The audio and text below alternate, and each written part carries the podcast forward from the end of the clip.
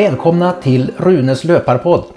Idag är det högtidligt för mig därför att idag är jag med en av Sveriges genom tiderna absolut mest fantastiska löparhjältar och en av de få idrottsmän jag minns från redan från fyra års ålder.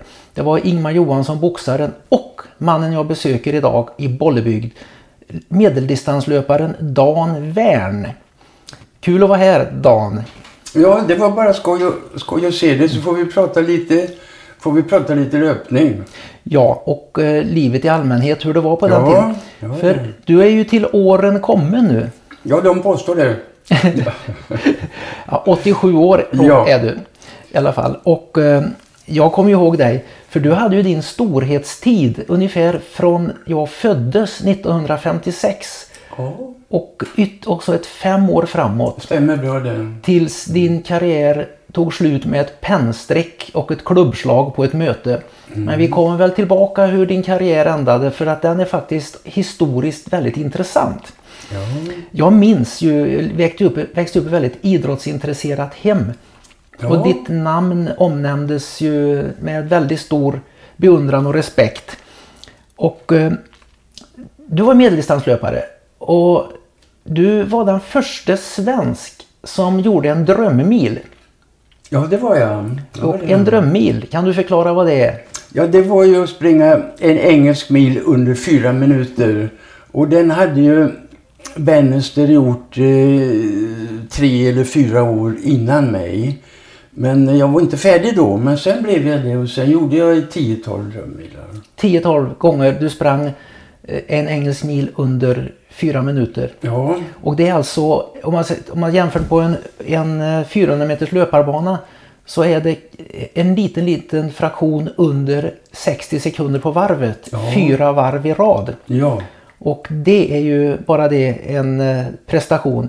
Det tog ju lång tid innan någon klarade den prestationen. Gunder och Arne klarar ju det inte.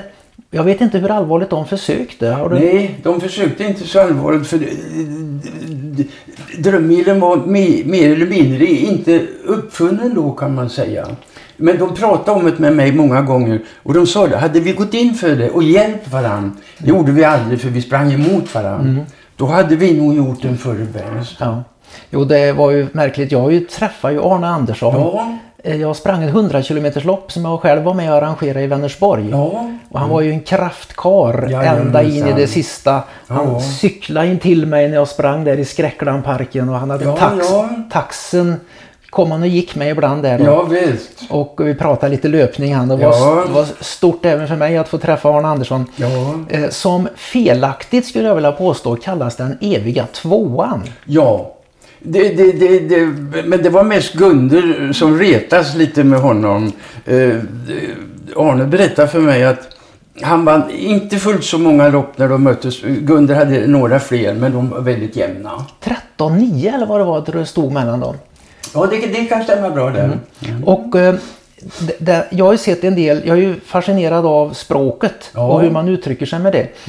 Och eh, när Gunder Hägg hade gått ur tiden Ja, så var det en rubrik i, jag vet inte om det var i Göteborgs-Posten, nej. för att annonsera att, meddela att storheten Gunder Hägg hade gått ur tiden. Rubriken löd Arne tvåa igen. Eh, Jag var väldigt Ja, det, ja, det var fyndigt, fyndigt sagt. Ja, eh, i alla fall så eh, jag läste mycket idrottspsykologi borta i USA. Ja. Och idrottspsykologer och även de som föreläser om motivation och prestation idag. Ja. De tenderar att övertolka detta med att man trodde att, eh, att en drömmil var omöjlig att göra. För de ville ha det till det nu att eh, Gunder och Arne och Strand och alla de där Ja. Och eh, engelsmännen som var bra på den tiden. Ja. De hade fått för sig att om en människa sprang så fort så anrikas det så mycket trötthetsgifter i kroppen som man avled. Det är ju något så otroligt korkat eh, sagt alltså. För att Arne säger det att nej, vi visste ju att det skulle vi kunna slå. Ja. Det var inte alls så. Nej. Så att när jag läste idrottspsykologi borta i USA och försöka Ja, förklara för ja, de här eh, idrottspsykologerna där som föreläser Ja. om att nej, jag tror faktiskt inte att de... Och dessutom, de sprang ju en, en drömmil, den motsvarar väl ett tempo av ungefär 3.42 på 1500 va? Ja, eh, 3.43 hade jag som mellantid vet jag. Sen gick det lite fort de sista 109 metrarna. Och då ska alla veta det att eh, mannen som är gäst i podden idag, han lär än idag ha varit den mest otroliga avslutaren i ett, på en drömmil. För att, att man kan springa ett snabbt sista varv i ett maskningslopp. Det kan många eh, välmeriterade medeldistansare. Men du gjorde ett otroligt sista varv i en drömmil. Vilket då indikerar att du hade sprungit fort fram tills dess. Vad är det snabbaste sista varvet du har gjort på en drömmil? Ja, jag, jag minns inte riktigt men när du säger det så, så, så vet jag att jag, jag tror det var 53 sekunder eller något åt det hållet. Jag har hört att du gjorde ett sista varv på 51 sekunder. Ja, det är möjligt. Och det har jag hört från en trovärdig källa Ja. som har insikt i detta. Ja. Eh, Lennart Julin på Friluftsförbundet som eh, Ja. kan allt. Han skulle kanske kunna ge ett exakt svar eh, direkt ur minnet. Det som kan stämma gott, Tycks. Mm. rymma hur mycket idrott som helst. Men någon har sagt att du avslutade med en 51 sekunder. Ja. Det låter nästintill osannolikt men du var rätt osannolik på den tiden. Men drömmil, du gjorde ungefär kanske ett tiotal gånger du sprang eh, engelska milen under det. Och vilka årtal var det du... Det var alltså mellan 1950, f- mellan 57 och 61. mellan 57 och 61. Ja, Och då var du bland de absolut bästa i världen. ja jo det var jag. Det var väl egentligen bara en som du aldrig slog av de där. Exakt. Men Herb Elliot Ja, det var det. som eh, den store idrotts kon- uthållighetsfysiologen Ja. eh, Tim Noakes Ja, som har skrivit den otroligt Ja. bra boken Law of Running. Ja. Eh, Den sammanställt all vetenskaplig forskning och analys om uthållighetsidrott. Han rankar Herb Elliot. Det är två som den kanske främste löparen någonsin tills då boken skrevs. Ja. Som ju var då kanske för en ja, drygt 30 år sedan. ja, Sen har det kommit några som man också kan säga. Men Herb Elliot han vann ju, han förlorade aldrig. Han förlorade aldrig. Men han var tvungen att springa dött lopp mot någon någon gång. Ja, precis. Ja, det gjorde vi på Nya Ullevi. Det var, det var nog hans sista lopp. Och, och eh, då ledde jag... eh, Jag gick förbi honom när det var några meter kvar. Men han var så stark så han svarade.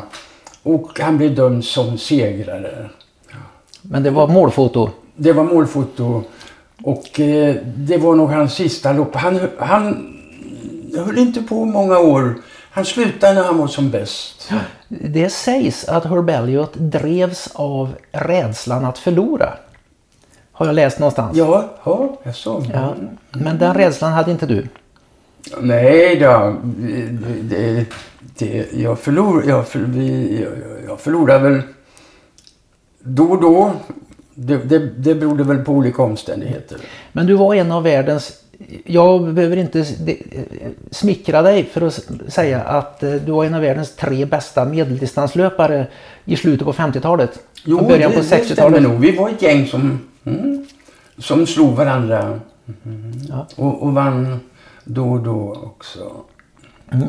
Idag så skulle du väl vara ungefär av Ingebrigtsen-klass skulle man kunna säga. Ja, de beundrar jag. Och- och Så att det, det hade väl varit roligt att få möta dem. Ja, det hade det varit. Jag tror det var roligt för dig att få möta Gunder och Ja. Aron också. Ja, absolut. absolut. Fast du har ju träffat dem i verkliga livet. Oh, ja, vi, vi hade så gott förhållande efteråt. Det, det var så trevligt att, att träffa, träffa Arne och Gunder jämt. Eh, Du eh, var... Du sprang alltså engelska milen på... Vet du vad du hade för bästa drömmil? Hur snabbt du sprang Ja, den? 3.58,5 har jag för mig. 3.58,5. Ja, Eh, och eh, det, då låg... Alltså det hör till saken att du sprang ju bara några år efter Bannister bröt den där Ja. gränsen som nu efteråt är påhittad tycker jag. Ja. Som en slags eh, mental barriär. mm, mm. För, eh, och, och sen, det är klart att när, det jag tror att John Landy hade ju tagit den om han hade, om inte Bannister hade hunnit först. Nej, just det. För att det fanns inte den här skräcken för att springa så Nej, fort. nej, på det. nej det. Eh, ett, ett antal drömmar. Första sprang 1957 har jag förstått. Ja, det var min första. Ja. När sprang du din sista drömmil då? Jag, jag eh, tror det var 1961. 61. Ja. Så du hade den karriären. Men 1500 meter har du sprungit. Ja, det var ju den, det man kanske sprang mest. Det var ju den klassiska sträckan. Och det tycker jag fortfarande är på olympiader. Det är den, det, det är den finaste av alla sträckor tycker jag. Mm. Och eh, hur fort sprang du där? Det sprang jag på 3.38 och 6 och det var den gången jag mötte Herbert Elliot på Nya Ullevi. Det var det? Ja. I det loppet när ni nästan... eh, Ja, just det. Målfoto mellan Ja, precis. Och eh, eh, då, det, det var ju naturligtvis svenskt rekord. Ja, det var det. Hur länge stod det rekordet? Och det stod, jag gissade tiotal år. Var det Ulf Högberg eller Ja, det var Ulf Högberg som, som slog det. Ja. Och han slog det inte med mycket. Nej, nej, det var det inte. Och en medeldistansare av den klassen, Anders Gärderud, han eh, pressade... Han, klarade han oss ditt personbästa? Ja, han gjorde nog så småningom ännu bättre. Ja. Något bättre tror jag. Ja. Och eh, sen kommer andra storheter som Johnny Kron Ja, och eh, andra. Och ja, ja då. så finns det en eh, Rogestedt också. Ja, ja minsann. Han tog mitt rekord på tusen meter. Just det. Och det låter så här. Det här är ju, det här är ju alltså det som du är eh, en världsgrej för. Du slog världsrekord på 1000 meter. Eller hur? Ja, ja minsann, många gånger. Ja. Det var, det var, och det klassar du som din bästa distans? Ja, eh, sen var det så roligt för att eh, jag slog ofta världsrekord med någon tiondel för då kunde nästa arrangör eh, reklamera att nytt världsrekord på 1000 meter har de eventuellt lovat. Ja. Så det, det, det var ju lite mm, roligt ur publiksynpunkt om de fick vara med på ett världsrekord. ja. Och det är ju nästan som Sergej Bubka. Han, Precis. han höjde ju aldrig mer än en centimeter. Nej. Och jag har en aning om att även eh, Hägg och Ar- Arne gjorde de grejerna. Därför att ni hade någonting gemensamt. Du och Hägg och Arne. Och eh, sen var det väl ytterligare någon.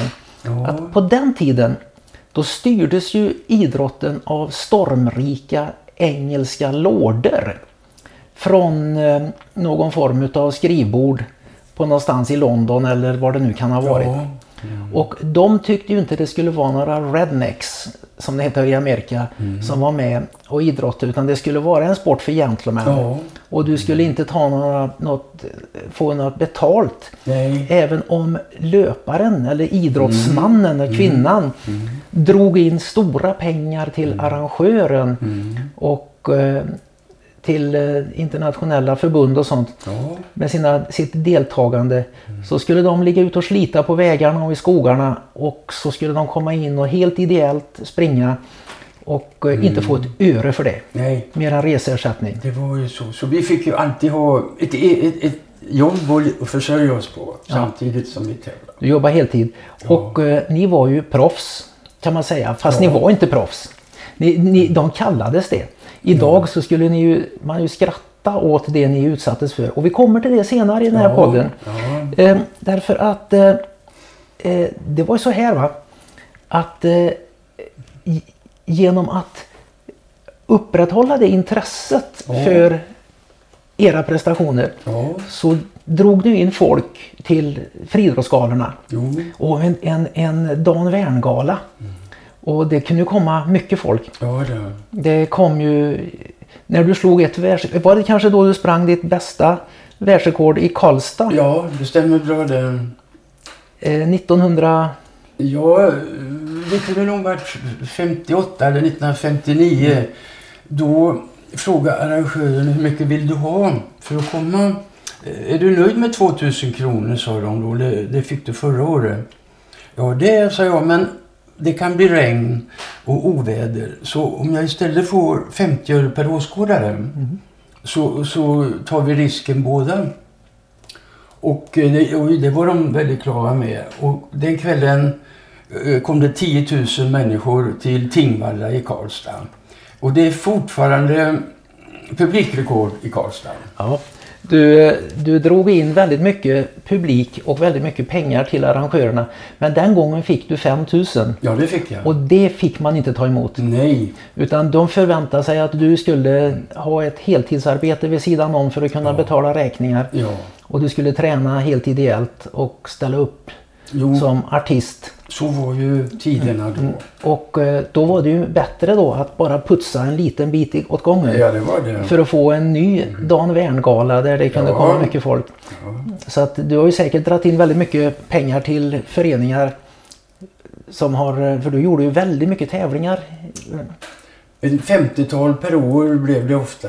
50-tal. Ja, Måste ju ha slitit oerhört på kroppen. ja men jag tyckte, jag tyckte i regel om...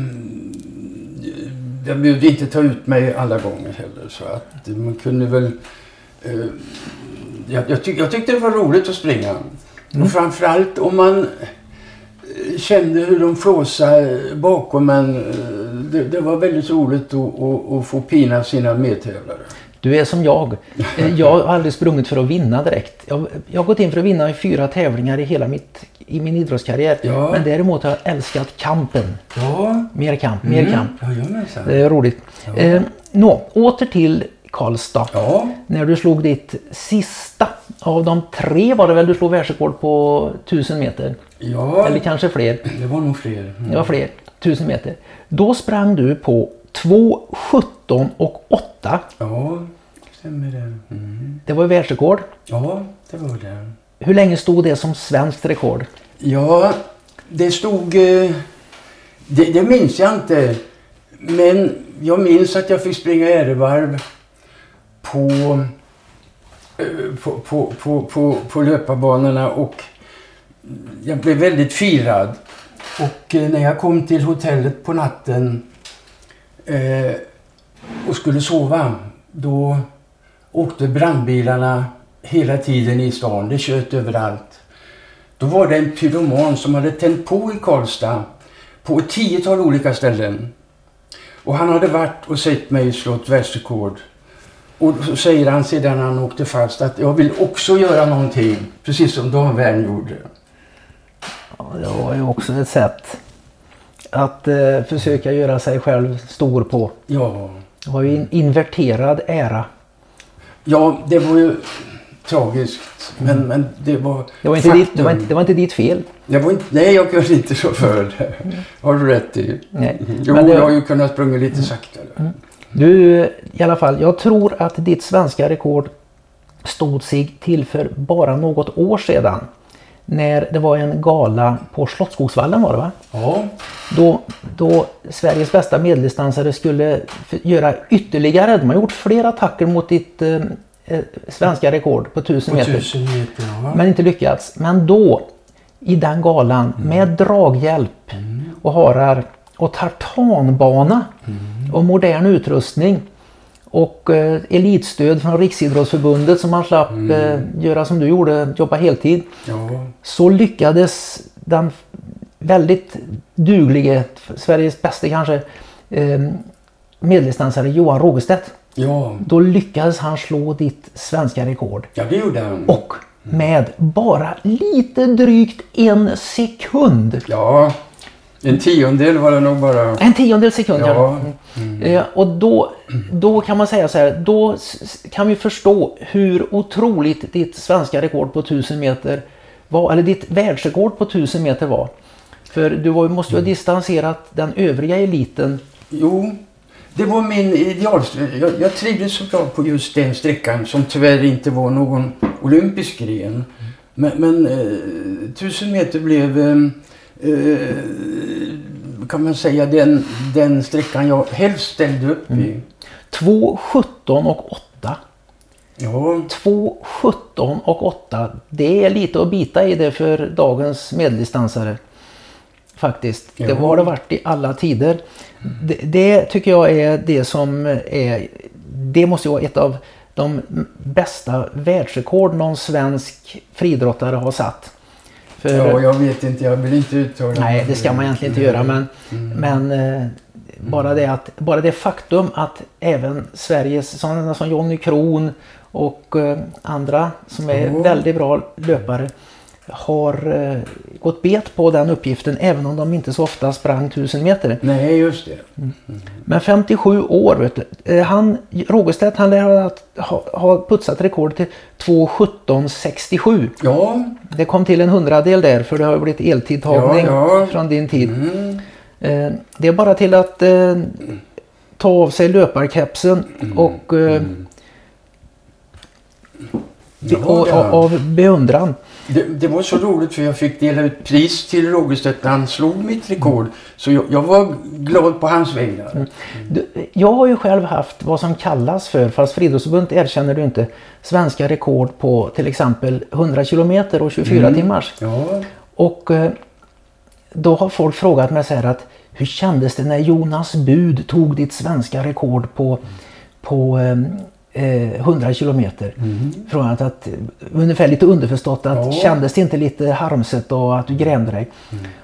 Då förstår de ju inte hur det är att ha ett rekord. nej. Man vill ju som rekordhållare se utveckling. Ja, det är klart. Alltså att det var ju jag och så någon till som tjatade in Jonas Bud i ultradistanslöpningen. Ja. För jag insåg att han skulle kunna ta mitt rekord. Ja, ja, det. Och jag var på fler löpare Ja. vet jag som hade rätt profil. De var betydligt bättre maratonlöpare än 10 000 meters löpare. ja. Då springer de på uthållighet. Då har de chansen. Va? Då kan rätt profil. Jag frågar med eh, Christer Fabricius, Lars Johansson Bergaström, eh, en del andra som jag Ja. visste att du, han, den skulle kunna ta mitt rekord. Men de eh, avböjde. Men Jonas Bud han lyckades till slut. Och när han slog mitt svenska rekord ja. Eh, då, då kände jag japp, yes. Mm. Och dessutom jag tyckte att det gick till rätt kille. ja visst, För precis. eh, skulle det vara en som jag inte känner några större sympatier för och som jag inte tycker Nej, beter sig rätt eller en precis. Jag förstår precis hur du, hur du stöddig, kaxig jäkel. Då hade det känts illa. Mm. Men det gör inte ont i själen att förlora ett svenskt rekord. Nej, absolut inte. För man blir ändå en notering i historieböckerna. Och i ditt fall, ett rekord som har stått i 57 år. ja. Då, då är det bara till att önska nästa rekordhållare lycka till. Du vet, Ja. du vet hur det känns att ha ett rekord. Ja, ja, oh ja. Det, Och, och hur det känns att inte ha Ingmar Johansson som var samtida med dig fast som boxare. ja. Eh, de frågade honom där, när han hade förlorat mot eh, Floyd Patterson. Förlorat sin titel. Ja. Nå, hur kändes det Ingo att vakna upp nu i morse och inte vara världsmästare? Ja. Och sa han. "Och Jag har vaknat upp så många morgnar i mitt liv utan att vara världsmästare Ja. så det var ingen större nyhet. Nej, just det. Mm. Mm, det är riktigt. Ja då. Nej men det är kul. Ja. Men du hade alltså, men 800 meter hade du inte rekordet på va? Eh, Bara svenska rekord. Bara svenska rekord? Ja, där hade vi par norrmän som var väldigt duktiga. Boysen, ja framförallt Audun Boysen. Han var duktig. Boysen var inte han norrman? Jo, han var norrman. Mm. Men han, han, eh, vi möttes ofta. Ja. Ja, jag slog honom ett par gånger på åtta, men eh, det var han bättre än mig. Men jag var bättre än honom på, på 1500. Det var du. Du sprang ju, du har ju fått några internationella medaljer också, i alla fall en internationell medalj.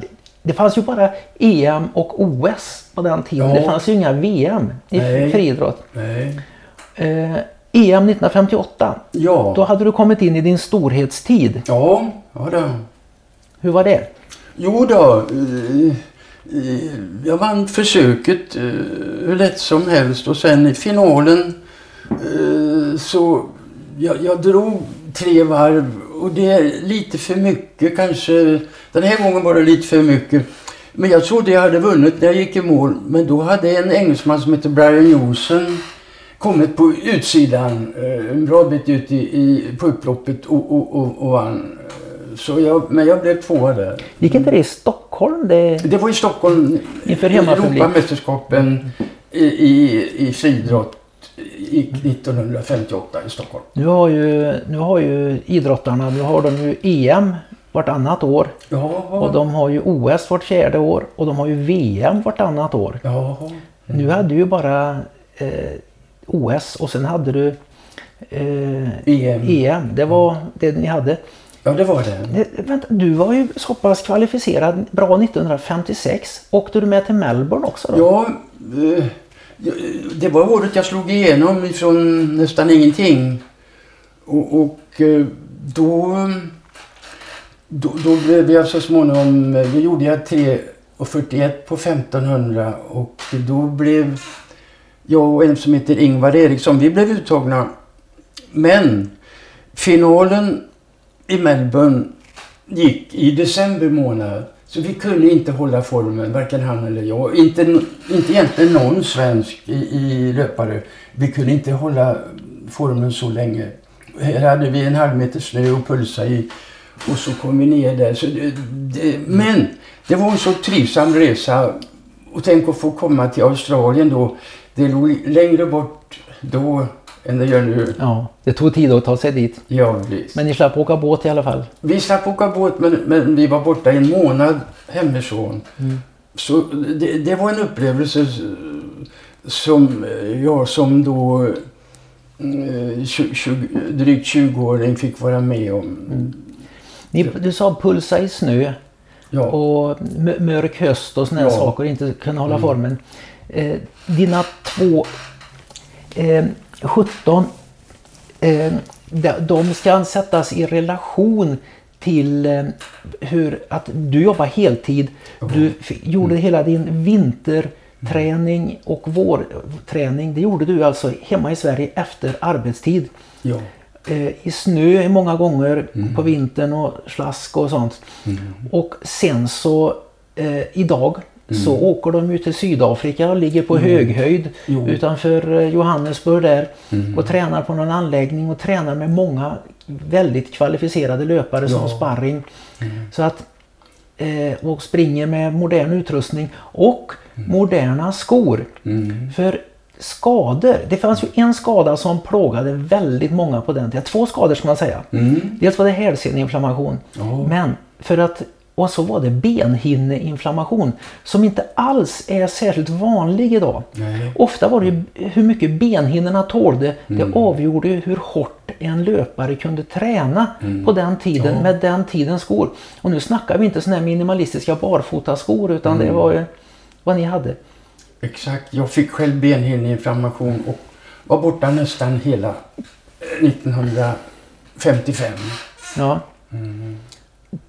Beroende på varför det inte blev bra. Jag lät aldrig läka någon gång. Jag, jag kunde inte hålla mig still. Nej, det fanns inga Voltaren och det fanns inga... Det fanns ingenting. Nej, utan det var ju bara till att läka ut och sen... Så... Jag kunde ha gjort annat. Jag kunde ha summet och gjort annat men det var svårt att... Det vet man efteråt. Det vet man efteråt, mm. ja. Ja, det, alla de här resultaten som gjordes för 60 år sedan och mm. mer mm. och även 50 år sedan och mer ska sättas i relation till förutsättningarna man hade att göra de resultaten. Mm. Därför är ju dina 3.38 på 1500, 2.17 och 8 på 1000 och sånt. Mm. Eh, det, det var ju alltså fantastiska resultat om man omvandlar dem till dagens ja, förhållanden. Jo, det stämmer nog. Eh, framförallt skulle jag tänka på att, att professionalismen blev erkänd. Va? Mm. Att du får tjäna pengar på att åka och springa. Mm. Du får elitstöd från Riksidrottsförbundet. Ja. Du får eh, Olympiska kommittén och allt mm. sådana grejer. Ja. Eh, eh, men åter till de här internationella mästerskapen. OS i Rom 1960. Då ja. måste ju varit en av de riktiga guldfavoriterna. Ja, jo det var jag. Det var jag. Eh, mm. Och eh, de flesta eh, åkte dit och låg och akklimatiserade sig i Rom innan. Jag tänkte jag ska, jag ska göra precis motsatsen. Jag åkte direkt ner ifrån Vålådalen där jag låg och tränade då eh, några dagar innan. Och så åkte jag ner och kände mig i kanonform i, eh, i, i, i, eh, i, i, i försökstävlingen. Jag vann hur lätt som helst. Och jag tänkte det här känns bra. Men sen gick finalen tre dagar efteråt. Och då var det precis tvärtom. Då kände jag, jag kände mig inte pigg alls på det hela. Och eh, eh, jag genomförde loppet Och jag har aldrig i hela mitt liv varit så trött som den gången. När jag kom i mål. Jag blev fyra och det är en av mina eh, största besvikelser. Men eh, sån är idrotten. Sån är idrotten. Ja. Fyra och besviken. Det där är ju alltså... eh, Det hade varit väldigt stort idag att bli fyra. Även om folk har fått för sig Mm. att det är nästan halvt hånfullt att bli fyra. Den första förloraren kallar de för. Mm. Ja. Sven Nylander, den Mm. otroliga häcklöparen, Ja. blev ju fyra i flera internationella mästerskap. Ja. Och istället för att, tycker jag nästan vissa de, istället för att hylla honom och säga det är Mm. otroligt att en svensk kunde bli, vara bland de fem bästa i världen Ja. på en så pressad distans som fyra meter häck. Så ska liksom säga, ja ja, han är ihågkommen inte för han var en bra häcklöpare utan för han bara, han bara blev fyra. Ja. Och det är ju, det är ju idioti. Jag tycker att eh, det var ju lite grann det här amerikanska när OS gick 1984 i Los Angeles. Ja. Jag var ju i USA där i San Ja. Diego bara i någon cy- cykelavstånd skulle jag vilja påstå ifrån Ja. Los Angeles 80 till 83. Och då snackar de om att, eh, att om du inte är här för att vinna guld i OS, då är du här som turist. Ja. Och eh, att, eh, att bli tvåa är att förlora. You don't win the silver, you, you lose the gold och sånt där. Ja. Hade de slogans. Ja. Och det, jag var men milda makter, vad har de för relation till idrotten? Men det var din kar- och du, det var synd för var det Elliot som vann där då? Eh, 1960 var Elliot som vann 1500. Mm. Och de andra medaljörerna, de hade du slagit? Tidigare i flera lopp? Men, eh, de, slog i re, regel oftare än de slog mig i alla fall. Ja. Mm. Chassy exempelvis, vi möttes ju. Sverige hade ofta landskamper mot Frankrike. Mm. Och eh, jag tror jag slog honom i, alla de landskamperna. Du var ju inte bara bra på eh, de här även om 1000 meter var din distans. Ja, den trivdes jag bäst med. Så hade du ett spann mellan 800 och även, fast du inte gillade distansen så bra, 3000 meter. Ja, det var ju så att Gunder Egger hade ju... Han hade ju fortfarande... Han hade världsrekord en gång på, i tiden på det. Men sen blev det ju svenskt rekord. Och då frågade... Jag, jag tror det var Sven Strömberg i, i ÖIS som sa ska, ska vi inte göra en tävling nu på hösten och då går du in för att slå Gunder Häggs gamla världsrekord på, på 3000 meter. Och, och det gjorde vi. Och jag slog världsrekordet med, eh, med en sekund tror jag. Men det var inte min sträcka. Det, det var, jag, jag, jag trivdes inte på eh, engelska milen. Det var det längsta jag trivdes på. Då hörde till saken att du blev första svensk under 8 minuter på 3000. Ja, Vilket också är en historisk grej. ja. Jo, det blev det. Eh, det är ju det. Du fick eh, Svenska Dagbladets bragdmedalj ett år, Ja, 1957. 1957. Det där, när du fick veta att du eh, har fått bragdmedaljen, hur det meddelades dig? Ja, det Du, var ju, du hade ju inte förväntat dig att få Ja, den. det var ju så här att plötsligt så ringer en i telefon och, och eh, sa att eh, jag är prins Bertil och vi har utsett dig till Dagbladsmedaljör. Och då trodde jag de skojade med mig. Jag trodde det var öjsarna som, som drev med mig.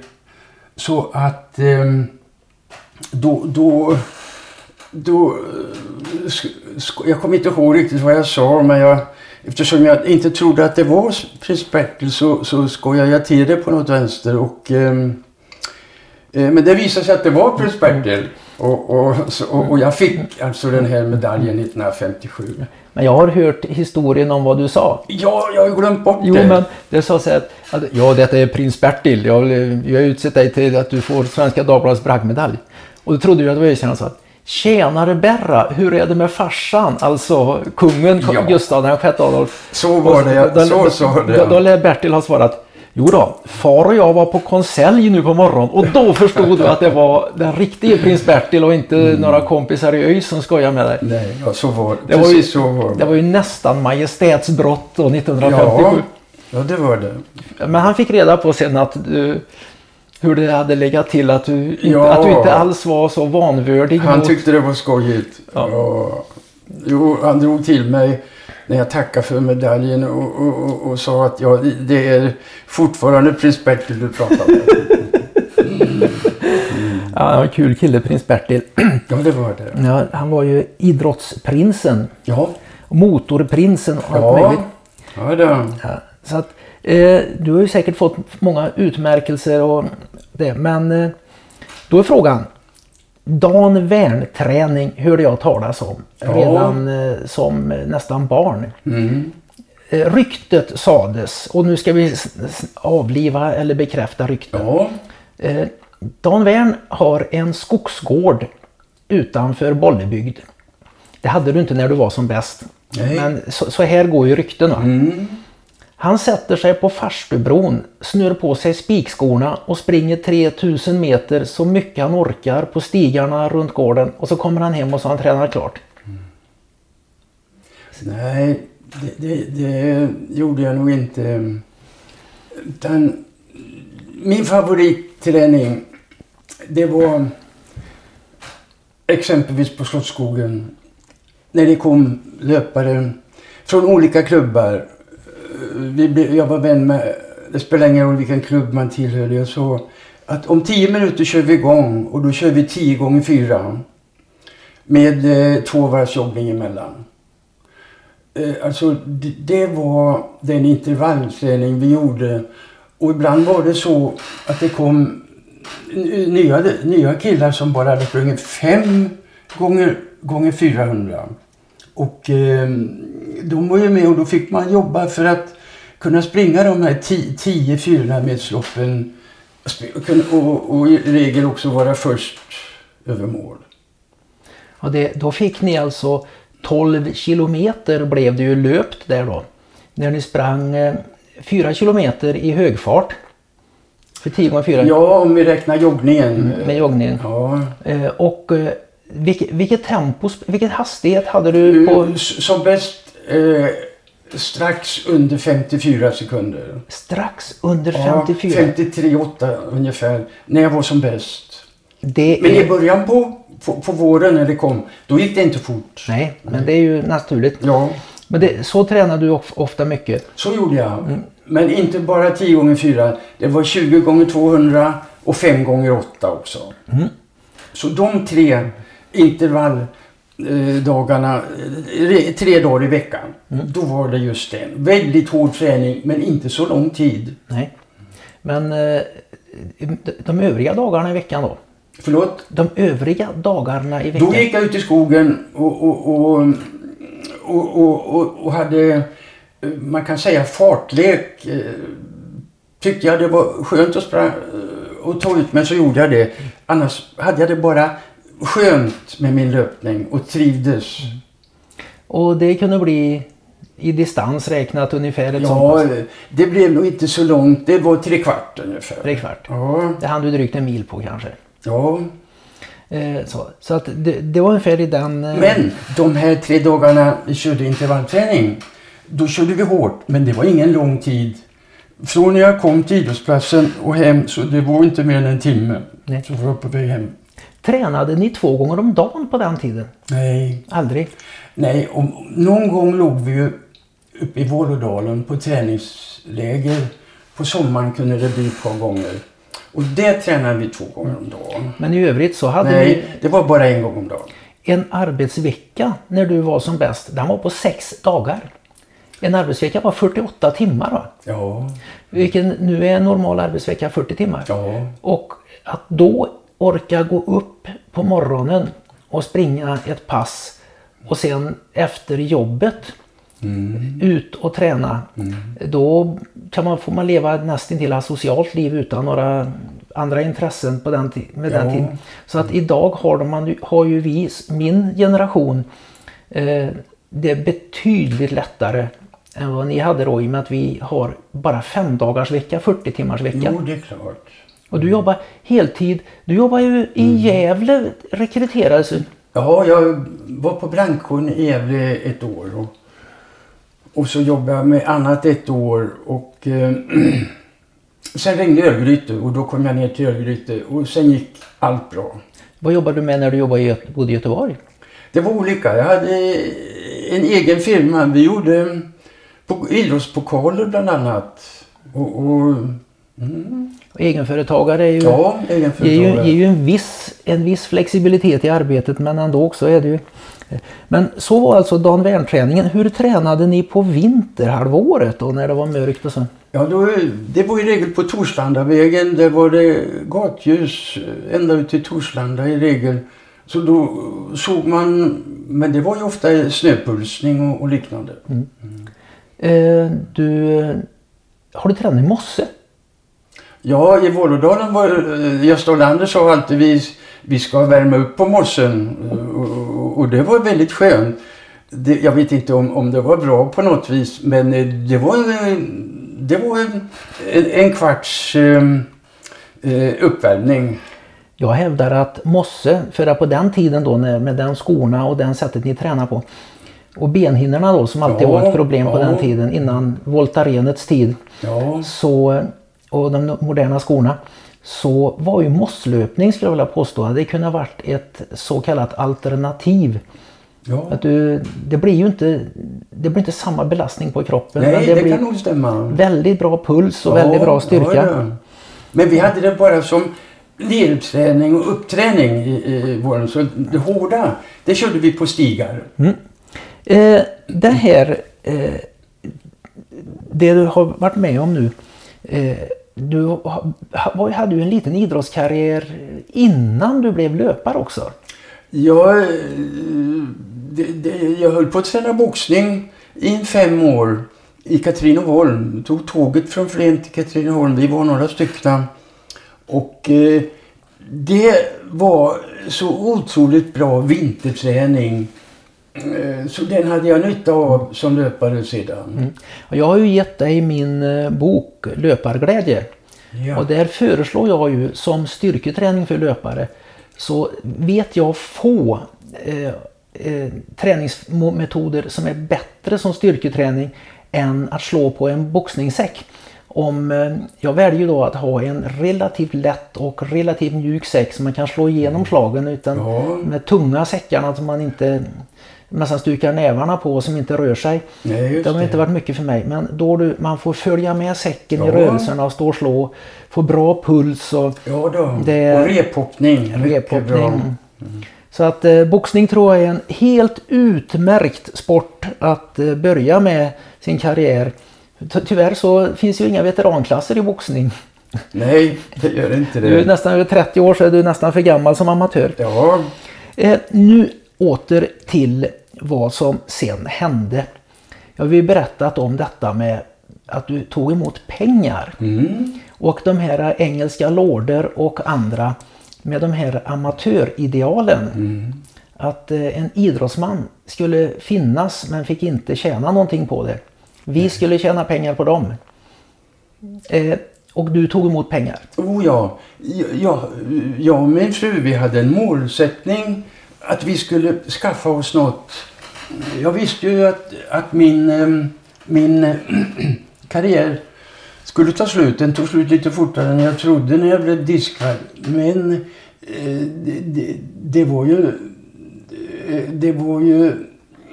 Vi, vi, vi jobbade för att kunna spara ihop pengar så vi kunde köpa en gård. Vilket vi också gjorde sedan. Så jag fick mina drömmar uppfyllda där. Utanför Bollebygd? Ja. En sju kilometer norr om Bollebygd mot Töllsjö har jag ja. förstått att du mm. var där. Jag körde från Trollhättan körde jag igenom den vägen. Ja, ja. Jag passade på att köra igenom Töllsjö. Mm. För en annan löp, ett annat löparfenomen mm. kom ju också från Töllsjö. Ja. Du vet vem? Ja, eh, Töllsjökometen. Ja. Peter Karlsson ja. som eh, väl eh, än idag kanske har svenska rekordet på 100 meter. Ja. Men fram, framförallt det jag beundrar honom för det är ju dels hans inställning och hans, eh, eh hans eh, eh, kunskap och filosofi kring allt sammans. Mm. men du fick alltså du fick inte ta emot pengar, men naturligtvis så tackade du inte nej när det bjöds. Det gjorde vi inte någon. Eh, jag var väl lite bättre än de andra. medeldistanslöparna så det är klart, då tog jag lite mer betalt. Det, jag har ju hört historier om det var Gunder Hägg och dem. Där de eh, skulle då få andra priser. För att de inte skulle behöva Ja. vara proffs, värdefulla priser. Nej. Och då var det en som hade, vad ska du ha för att komma? En, jag, då får jag, jag ska ha en skinnfåtölj. Ja. Ja, och när han, han ska få sitt pris då, på prisutdelningen, då får han en skinnportfölj. Det var, ju inte riktigt vad han hade hoppats på. Nej. Eh, Men eh, det var ju, amatörismen var ju väldigt helig då på den tiden. Ja, det var Det det. var ju den som gjorde att Gunder och Arne blev diskade och det var väl, blev Strand, och var det fler som, Strand blev det inte. Han blev det inte? Nej. det var något mer? Oh, de var ett tiotal på Gunder och Arnes eh, i, i den razzian då som följde. Fast det var Gunder och Arne fick, jag tror de fick livstid medan de andra kunde få kanske bara ett år. Eh, Jag kommer ihåg att eh, jag växte upp med den här Brunnhages idrottsboken. Ja, Du vet. Och det var det ju alltid vara en karikatyrtecknare, en skämttecknare som tecknade idrottsåret innan. Den läste jag alltid från barnsben. Ja. Det där. Och då var det med dig. Och då springer du där med linne och svensk flagga på tror jag och allt sånt där. Och ropar jag är proffs. Och då står de med förbundsgubbarna där och ropar lyssna inte på honom, lyssna inte på honom. Och eh, de menar väl på det att du eh, var inte tillräckligt diskret med att du tog emot pengar. Du, hyck, du hycklade alltså all, inte Nej, för att... väl inget, inget eh, det var ju ingen hemlighet heller. Så jag tyckte det var... Och jag blev också den sista i världen som blev avstängd i friidrott. För professionalism. Just det. Och det var 1900... Det var 1961 när jag var som bäst och hade... eh, Hösten var alltid den bästa tiden för mig. Då jag kunde ha fått löp, tycker jag, färdigt det året i alla fall. Ja, det var ju synd. Det är ju som att Gunder, han var ju färdig med idrotten. Ja, det var han. Och eh, Arne, för honom var det ju en personlig katastrof Mm, ja, nästan. det var det. Och jag tror att Arne hade tagit drömmilen om han hade fått hålla på lite till. Och fått eh, bra sparring. Ja, om Arne och Gunnar tillsammans hade gått in för det och dratt varsitt varv eh, då, då, då hade de, någon av dem lyckats. Det, det tror jag också. Hade ni harar i loppen på din tid? Ja, eh, ibland, ibland hade vi, ibland inte. Det var lite olika för att eh, de som har det fullföljde alltid och gjorde sitt bästa eh, ändå. Hur var det med att möta internationellt motstånd?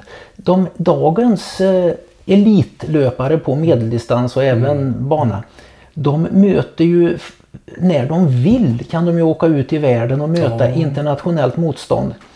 Eh, Men hur var det för dig? Hur, hur, hur många lopp per år mötte du riktigt hårt motstånd? Ja, sammanlagt så var det flera år. Jag, jag hade ett, eh, 100, nej 50 tävlingar var det ja. 50 tävlingar per år jo- gjorde jag i regel runt omkring. Men det var både med försök och final på SM och så vidare.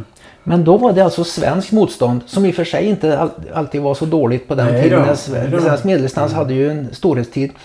Men det fanns ju alltså engelsmän, ungrare var ju bra. Ja. Alla Ja amerikaner. Hur ofta fick du chansen? När fick du chansen att mäta dig och sporras av det motståndet? Ja, åtminstone 30 gånger per år. 30 gånger per år? Ja, det var det med säkerhet. De kom alltså till... eh, Du fick åka runt i Ja, Euro- ja, Europa. I regel kom de till Sverige för vi hade, vi hade nog en storhetsperiod då. Vi, vi, ehm, och det var på så många ställen de ordnade tävlingar i Sverige. Ja. ja. Det var ju roligt att ni åtminstone fick det. Va? Oh ja. Att du fick det. Ja, då. det var ju bra. Och, men sen blev du alltså diskad. Ja, hur, jag hur kändes det förutom att du tyckte det var synd att säsongen tog Ja, slut för jag tidigt? kunde väl ha fått gjort färdigt säsongen men eh, det var väl påtryckningar ifrån internationella förbundet som du pratade om eh, nyss. Så då, då gjordes inte det svenska förbundet. De, eh, de var väl, ansåg de väl tvungna att diska mig. Ja. Men det var påtryckningar utifrån, det vet jag. De stretar väl emot naturligtvis. Ja, det gjorde de. Du måste ju ha varit en väldig tillgång för svenska, svensk va- friidrott. Precis, varje landskamp sprang jag ju alltid 8 och 1500. Eh, Så att, eh, och, och jag, jag tyckte det var skoj. Det var skoj att dra på sig landslagströjan och, och, och, göra det bästa.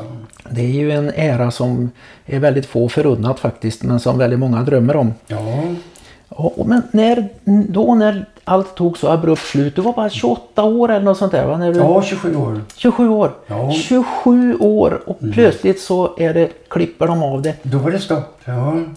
Vad gjorde du sen då? Ja, då hade jag köpt, jag hade sprungit in handpenningen till den här skogsgården här i Bollebygd som jag köpte sedan. Och, och eh, sen hade jag skogen att leva på och då, eh, då gick jag och, och, och jobbade där hela dagarna i skogen och det trivdes jag alldeles utmärkt med. Skulle jag också gjort. Ja, det, det var så skoj att, att kunna gå ut och jag, jag jobbade eh, ofta längre dagar i skogen än om jag hade varit anställd. Men jag, jag trivdes med det.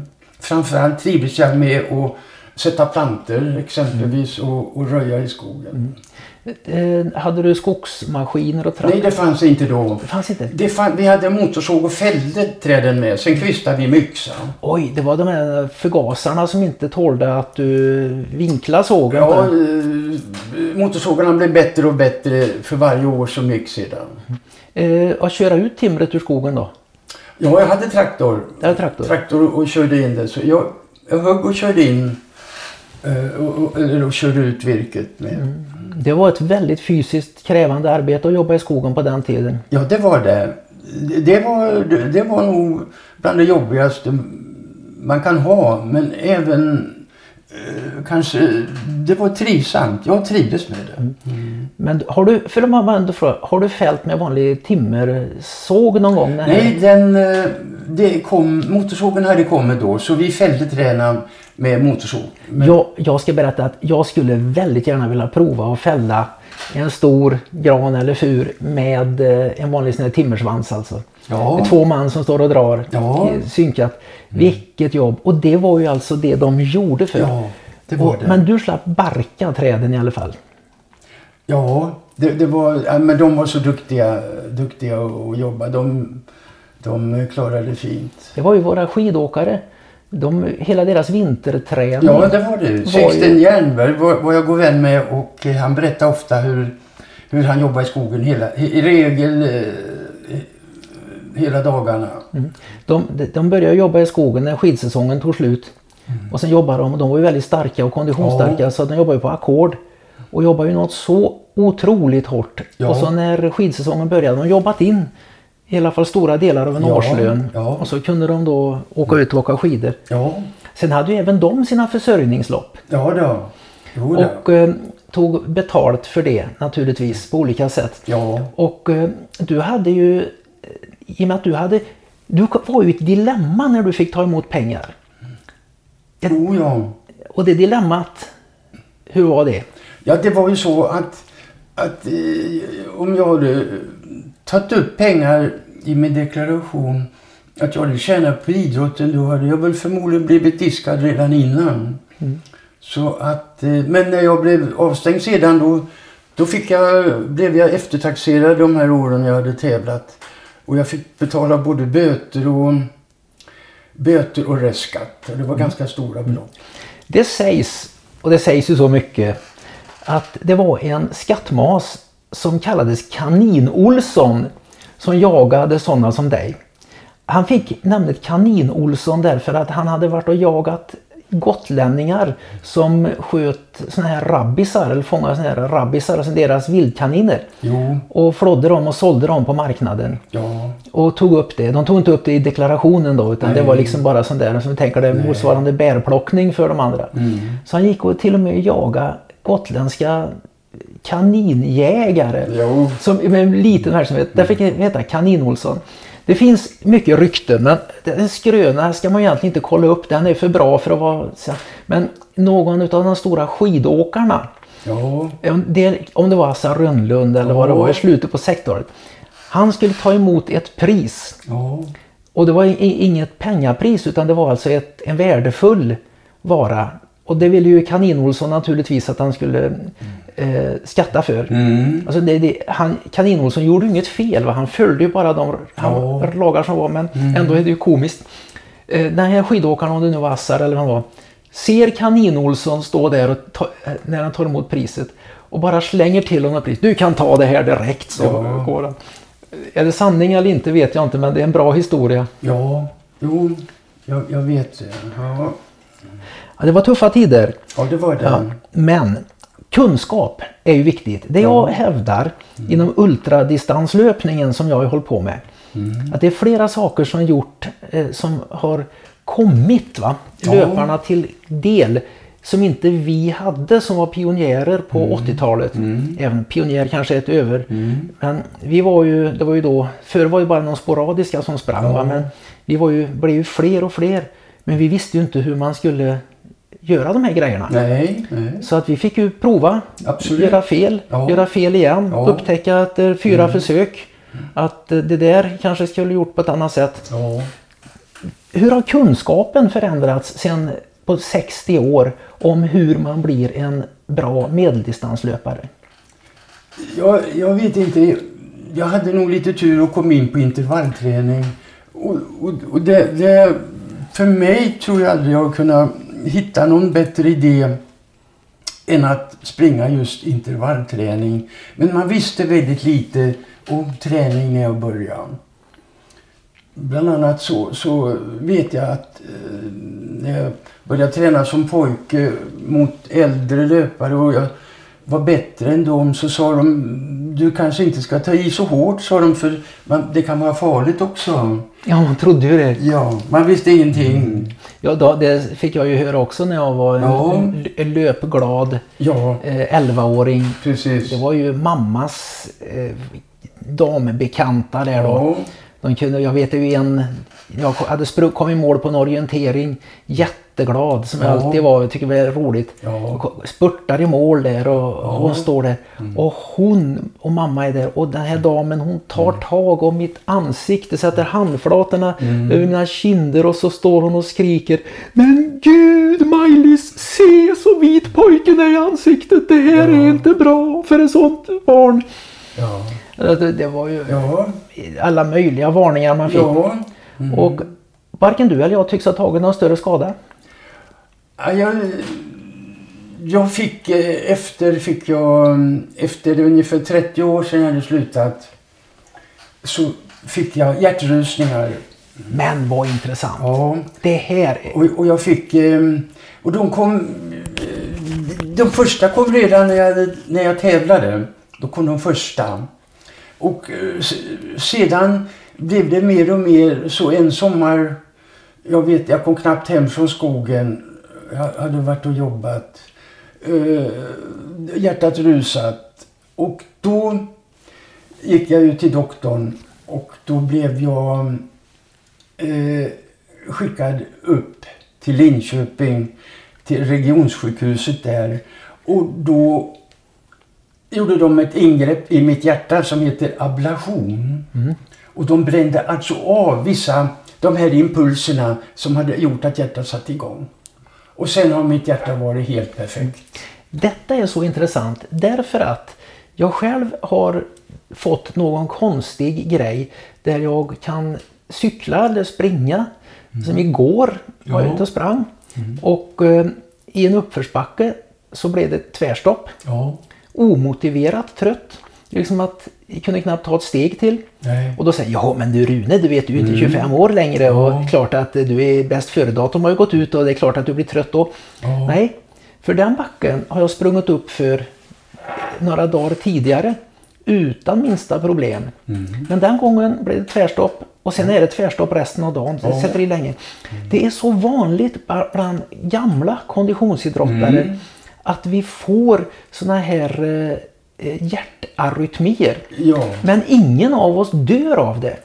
Du har ju blivit 87. Ja. Eh, ja. Vi får Men jag hade, jag hade det tidigt om jag inte hade fått eh, den här ablationen som då var väldigt ny i Sverige.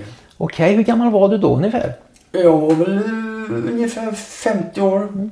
För eh, jag tror, ja det är klart det kan ju ge ett hjärtstopp men Mm. Kjell-Erik Ståhl har ju haft detta och jag Mm. roddaren Maria Brandin eh, som ju vann VM då för en, över 20 år sedan. ja. Och flera andra gamla konditionsidrottare. Mm. Så jag gjorde en undersökning på mitt hjärta. Ja. Och då, ja, hjärtläkare trodde att, att det är rätt vanligt bland konditionsidrottare. Det verkar inte vara Ja. dödligt farligt. Men ett, naturligtvis Det inte... kan, det kan det nog bli. Det kanske kan bli, men det finns ja. ing- Men han, han menar på det att det kan vara så att sinusknutan som Mm. styr hjärtrytmen blir uttröttad. Ja, något beror det på. Något kan vara. Det kanske inte är fullt naturligt att man ska springa 1000 meter på 2.17,8. Nej, det är möjligt. Men det har du gjort. Dan Wern, en barndomsidol och en bortglömd storhet i Sverige. När jag pratade med löpare som är väldigt löparintresserade idag och sagt att jag ska åka och intervjua Dan Wern för min löparpodd. Dan, vem då? Eh, de vet inte vem Dan Wern är.